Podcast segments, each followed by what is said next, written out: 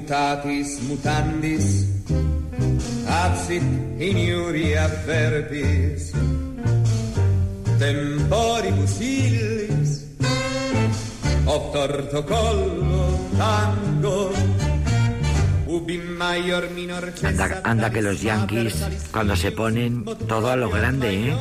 Estábamos viendo en directo todo lo que estaba pasando. Algunos periodistas hablaban de la colina del Capitolio, porque efectivamente está en un alto, igual que el Capitolio romano. Porque claro, Isidora Emborujo, a quien saludo cariñosamente, querida, Muy buenas. no puede dejar de pensar, y ya ve la tele y ve Capitolio y de qué Capitolio se acuerda. Lo mismo que cuando escucha como algunos medios hablan de un personaje megalómano, violento, machista, moralmente indecente y racista, dice Nerón. Claro, sí, sí. ¿Quién se, si le, no? se le ha representado. ¿Quién eh, si no? Se le ha representado eh, en algunas viñetas como Nerón. Nerón tocando la lira mientras arde Roma, era es la imagen de Trump mientras el- Destruyendo en el antes Capitolio. que de dar a torcer su brazo. Sí, un artículo de opinión precisamente hablando de él. Decían que tenía el síndrome de Eróstrato, que yo no lo conocía. Fue- Eróstrato. Lo busqué, bueno, lo explicaba muy bien. Eh, es un pastor griego originario de Éfeso que para pasar a la posteridad hizo una barbaridad que fue quemar el templo de ay, Artemisa. Y claro, lo mataron. Entonces es un síndrome que es eh, que además está muy relacionado incluso ahora con todas las, las redes sociales, que es hacer una barbaridad que te puede costar la vida, como el caso de este, de este pastor, que lo mataron, porque declaró que lo había quemado el templo para que su nombre pasara a la posteridad. Como el que mató a John Lennon también. Exactamente, con tal de que Es lo recuerden. Entonces, y lo curioso es que se, se le, vamos, lo mataron, se prohibió que si un hombre se, se pusiera en lo sucesivo a ningún, a ningún recién nacido, pero un historiador recoge el, el acontecimiento y entonces, gracias a esa mención, pues ha pasado a la historia. Se consiguió en realidad lo que, lo que pretendía a costa de su vida. Total, que todo se ha inventado Efectivamente, todo. en la antigüedad. Y el Y todos los Capitolio- caminos nos llevan a Roma. Todo. Y además Roma, que tiene una fundación mítica en la que, como no, la topografía de esa primera Roma está el Capitolio, la colina del Capitolio, que era una de las siete colinas. Además es que la topografía de Roma, de la capital, sigue existiendo. Está en el Aventino, Celio, Capitolio, Esquilino, Palatino, Quirinal y Viminal. Quirinal Tres- es el- donde está el donde palacio, está el palacio, del Papa. efectivamente. El De- Quirinal. el Quirinal es el gobierno, me parece. El Papa está en, en el Vaticano. Y el Quirinal es uno de los centros neurálgicos de, de Roma. Entonces, esta ciudad que, que la leyenda se ha encargado de, nos dice Dionisio de Alicarnaso que había hasta 25 relatos diferentes sobre los orígenes de Roma. El relato más conocido, incluso representado, es el famoso de los- la fundación de Roma por Rómulo. Los dos gemelos, Rómulo y Remo, Amamantados por una por una loba. que es la loba capitolina. Que es súper literario. Exactamente, que es una estatua que es del- de época medieval, que eh, está, se conserva en los museos capitolinos, que es, están en el Capitolio, en la, en la, en la colina capitolina, y es son, unos de, los- o sea, son los museos yo creo que más espectaculares de, del mundo antiguo, de, de Roma. Pues esa, esa, esa leyenda, yo creo que la conocemos todos y, y, mm, es- sabemos que es un mito fundacional, por eso se llama, y por eso es muy parecido a otros que conocemos muy bien. Eh, la leyenda dice que la madre de Rómulo y Remo era eh, Rea Silvia, que es la hija legítima de- del rey, la hija, una, una de las hijas del rey que gobernaba en Alba Longa, que es la ciudad donde, donde se sitúa a, a los descendientes de Eneas, porque se une la leyenda troyana con la fundación de Roma. Entonces había un rey, Numitor, que tenía un hermano menor que hoy diríamos pues da un golpe de estado. Mm, le quita el poder a su hermano, mata a todos los hijos varones y a la única le perdona la vida a la única hija que tenía, a Rea Silvia. Pero para evitar posibles venganzas, lo que hace es que la eh, mm, hace que se convierta en vestal. Las vestales eran sacerdotisas que tenían que ser vírgenes durante más de 30 años. Dedicadas al oficio religioso. Sí, dedicadas eh, eran las que cuidaban el, fuego sagrado y una de las características eran la virginidad y eh, era el castigo que mm, recibían si, si esto se, este, este voto digamos se, rompía pues era tremendo ¿Qué pasa con la mitología? Lo que hemos contado muchas veces. Y según qué versión leamos o, o quien nos lo cuente, nos dice que Marte, el dios Marte, engendra en Rea Silva a dos, a dos hijos. Y otras versiones más crudas dicen que la viola y que de esa violación nacen Rómulo y Remo, los dos gemelos. El rey ilegítimo, para evitar que esos eh, niños crezcan y algún día le, reclamen, le disputen el trono. lo que hace es intentar eliminarlos. Y lo mismo que hicieron con Moisés, que lo hemos visto, exactamente, pues los, dice que los echen al Tíber, que los echen al río, que el río se encargará de, de matarlos. Pero la mujer que tiene que llevar, que tiene que hacerlos desaparecer, o sea, matarlos, se apiada de los niños, los mete en una cesta y en un vado del río se queda detenida la cesta y dice el mito que una loba se acerca y amamanta a los niños. Y luego aparece un pastor cuya eh, mujer se llama Luperca, de nuevo aparece la loba, por tanto, y es ella, esa, esa pareja, la que se encarga de criar a estos, a estos hijos. Eh, la loba, la lupa, es eh, una manera, es como se, se llamaba a las prostitutas en, en, latín, y entonces parece que eh, tendría, haría relación eh, el término pues, a esa de mujer. ¿Qué sucede cuando Rómulo y Remo crecen? Pues claro, son héroes, y héroes van a ser los héroes fundadores. Son muy valientes y consiguen vengarse, vengar a, a su abuelo, a Numitor, desterrando al rey ilegítimo y colocando de nuevo, a, reponiendo en el trono a Numitor. Y deciden fundar una ciudad nueva en el sitio donde se había quedado la canastilla, en el sitio donde les había recogido la loba. Pero son dos y eh, hay que decidir quién, eh, dónde se va a fundar y quién lo va a fundar. Y se recurre a un sistema que es muy bien conocido eh, en la antigüedad, que es consultar a los dioses, los augurios. Es decir, cada uno quiere... Cuando hay que tomar una decisión muy comprometida... Sí, se pregunta a los dioses... La respuesta está en el viento, sí. A ver parece, ¿qué, le parece a los dioses lo que uno quiere hacer? Que sean los dioses los que se pringuen. Sí, exactamente. ya les echaremos luego la culpa. Entonces, Rómulo se eh, quiere fundar la nueva ciudad en eh, la, colina del Palatino. Y se va allí, se eh, sube a la colina y Remo quiere hacerlo en el Aventino. Y hace lo mismo. ¿Cuál es la señal que les va a mandar los augurios? ¿En qué consiste? Pues en ver eh, cuántos buitres les rodean, se acercan, y les rodean. Y Rómulo ve seis buitres en esa observación y piensa que esa es la señal y que, eh, que eh, los dioses le han elegido a él y que tiene que fundar la ciudad en el Aventino. Y se va hacia donde estaba Rómulo, que era el Palatino, como estamos diciendo, pero no sabe que Rómulo había visto justo el doble, el, eh, 12 buitres. Y, por supuesto, había empezado ya a hacer la ciudad. La hacer la ciudad que era hacer un enorme foso a delimitar lo que sería la, el pomerium, que ya se dice en latín, es decir, la, eh, el límite sagrado de la nueva ciudad. Es un límite que es sagrado, es decir, el que atraviese, y además lo dice y lo establece así, quien atraviese eh, ese límite de forma ilegal será, será muerto. Traza el límite de la nueva ciudad, lo que se llama la Roma cuadrata, y Remo llega enfurecido cruza el límite desafiando a Rómulo y Rómulo asesina a su hermano porque había cumplido la promesa de hacerlo.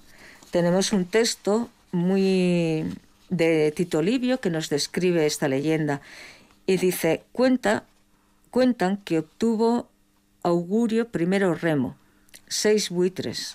Nada más anunciar el augurio se le presentó doble número a Rómulo, y cada uno de ellos fue aclamado como rey por sus partidarios. Reclamaban el trono basándose unos en la prioridad temporal y otros en el número de aves. Llegados a las manos en el altercado consiguiente, la pasión de la pugna da paso a una lucha a muerte. En aquel revuelo cayó Remo herido de muerte.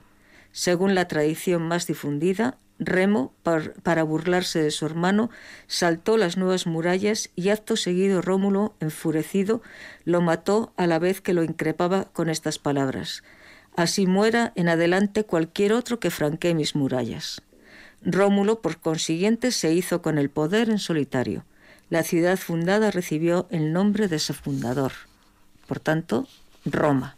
De Rómulo, Roma. Esta es la leyenda. ¿Qué sabemos de la realidad? ¿Qué, nos dice la arqueología, que en este caso es la, fuente más importante? La que nos dice si esto... Porque además eh, es muy curioso porque, claro, los, historiadores de la antigüedad nos dicen hasta qué día y en qué año, en qué año y en qué día se fundó Roma. Sitúan la fundación de la ciudad el 21 de abril del 753 a.C. Y la arqueología lo que nos dice es que efectivamente eh, hacia mediados del siglo VIII, es decir, coinciden en el, siglo, ya eh, hay testimonio de una ciudad muy pequeña, una ciudad fundada por un grupo de pueblos, por sabinos, por latinos, y luego a esto se van a acercar y van a llegar los etruscos, pueblos eh, pastores, ganaderos, agricultores, que eh, se unen para fundar una ciudad en un lugar estratégico. Esa es precisamente, tú decías, todos los caminos conducen a Roma, porque Roma no se funda allí por casualidad, sino que se funda en un lugar estratégico, en un vado del Tíber que unía, que permitía unir perfectamente el norte y el sur de Italia.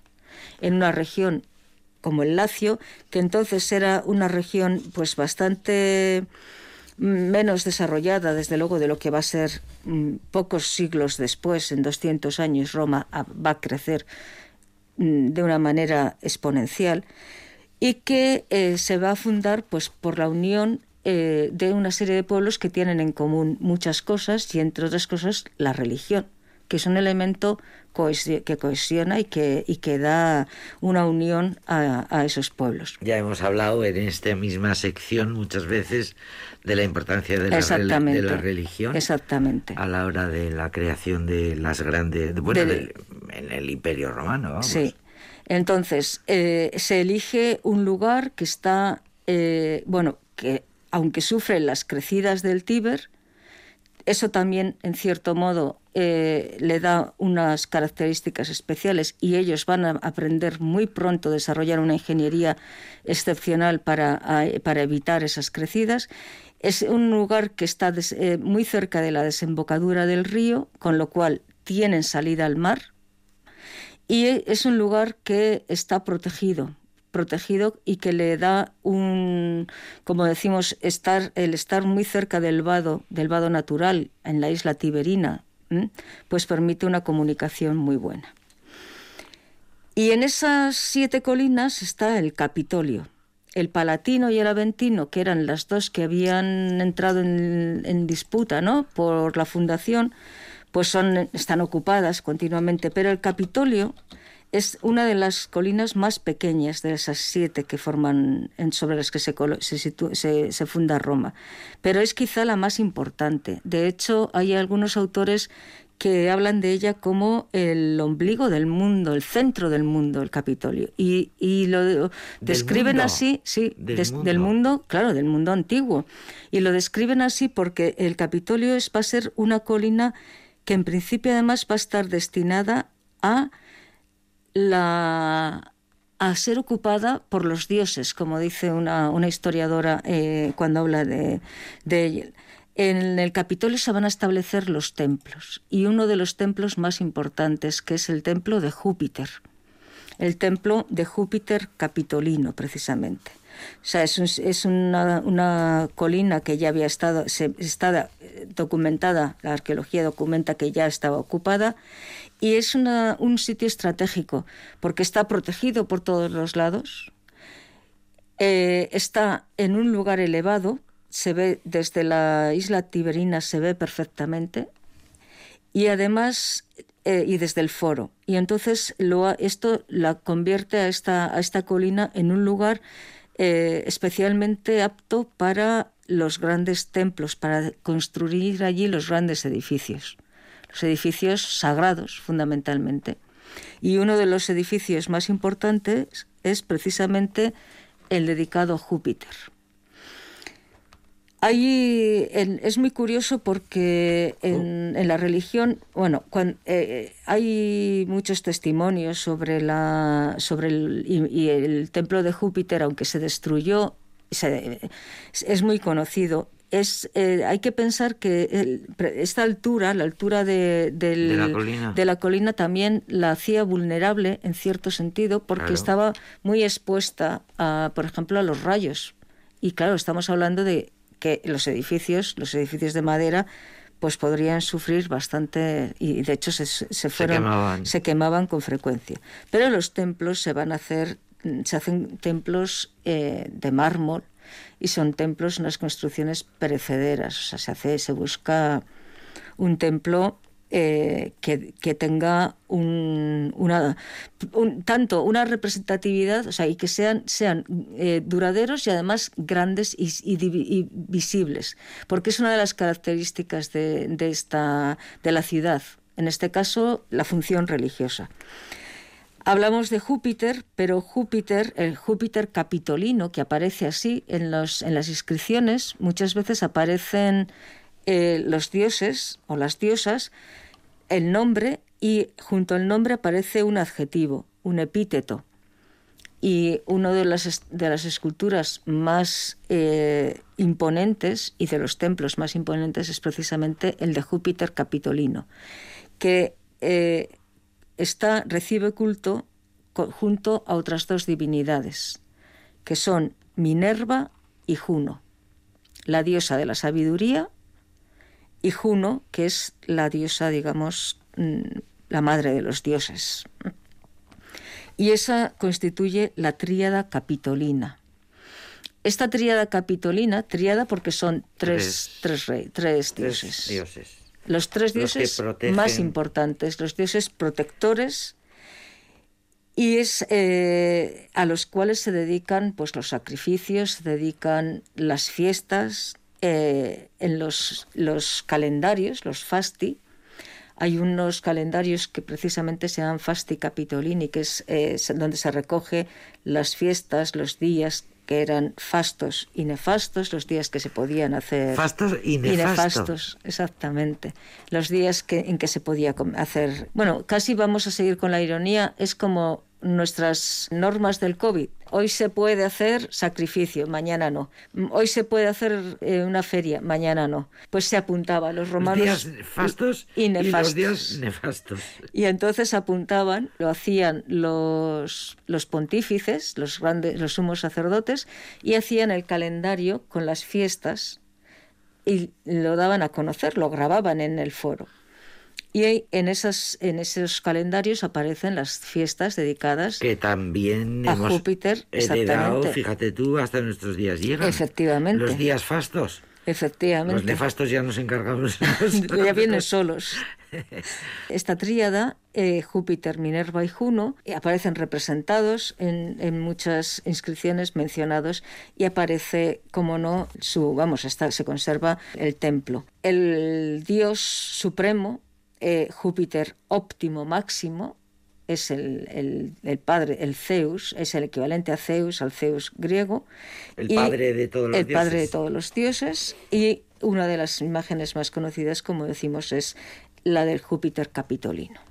Por eso el Capitolio, cuando Washington se crea en el siglo, a principios del siglo XIX, en el 1800 y pico se construye el Capitolio, no es inocente ni el, ni donde, ni el lugar eh, donde se construye ni el tipo de arquitectura, porque efectivamente eh, hay una traslación del mundo clásico a esa ciudad eh, a esa ciudad de nueva creación y a la ciudad que iba a ser el centro político de los Estados Unidos. Claro, es que Estados Unidos también vive un proceso muy parecido a la fundación fundacional, de Roma, efectivamente. Es fundacional. Y entonces, precisamente cuando estábamos Va a reunir viendo... todas las tribus y pueblos distintos que están viviendo allí y peleando entre sí y cada uno con su cultura y cada uno con... No, no, no. Los, eso, es lo, eso hacen los romanos. Los, los yanquis no hacen eso. Los yanquis, ¿qué hacen? Llegan y fundan una ciudad, pero el proceso fundacional es son los blancos, no, no la población autóctona. Sí, claro, claro, arrasan. Claro. No, me refería a los colonos. Sí, eh, los colonos, es efectivamente, todos los, los, irlandeses. de Europa, claro. Y precisamente una de las cosas que más daño les ha hecho a los propios eh, estadounidenses es ver cómo eh, se atacaba uno de los símbolos de la, del Estado americano, porque lo habían quemado los ingleses en la lucha cuando se está produciendo la, independencia de los Estados Unidos, sí que los ingleses habían atacado el Capitolio, pero los americanos no habían atacado sus instituciones. Entonces el Capitolio efectivamente está en un alto, efectivamente se divisa muy bien, tiene una arquitectura neoclásica de un templo, parece un templo, la cúpula nos recuerda mucho pues, al Panteón o, o, a la cúpula del Vaticano. Y eh, es un símbolo de la, de, la, de la nación, de la nación americana, de esa nación que crearon, como tú dices, esos colonos, oponiéndose y, y, peleando, llevando a, o sea, ganando una guerra fundacional, una guerra contra los, los ingleses para conseguir ser una nación. Rómulo y Remo. Claro, entre otras cosas es, y luego ya sabemos que hubo su guerra civil, o sea, su guerra civil, la, guerra de secesión. de secesión entre los estados, que también es otra de las cosas que nos ha llamado y que más ha escandalizado esas banderas de la guerra de secesión. Querida Isidora Embrujo, muchísimas gracias. Gracias.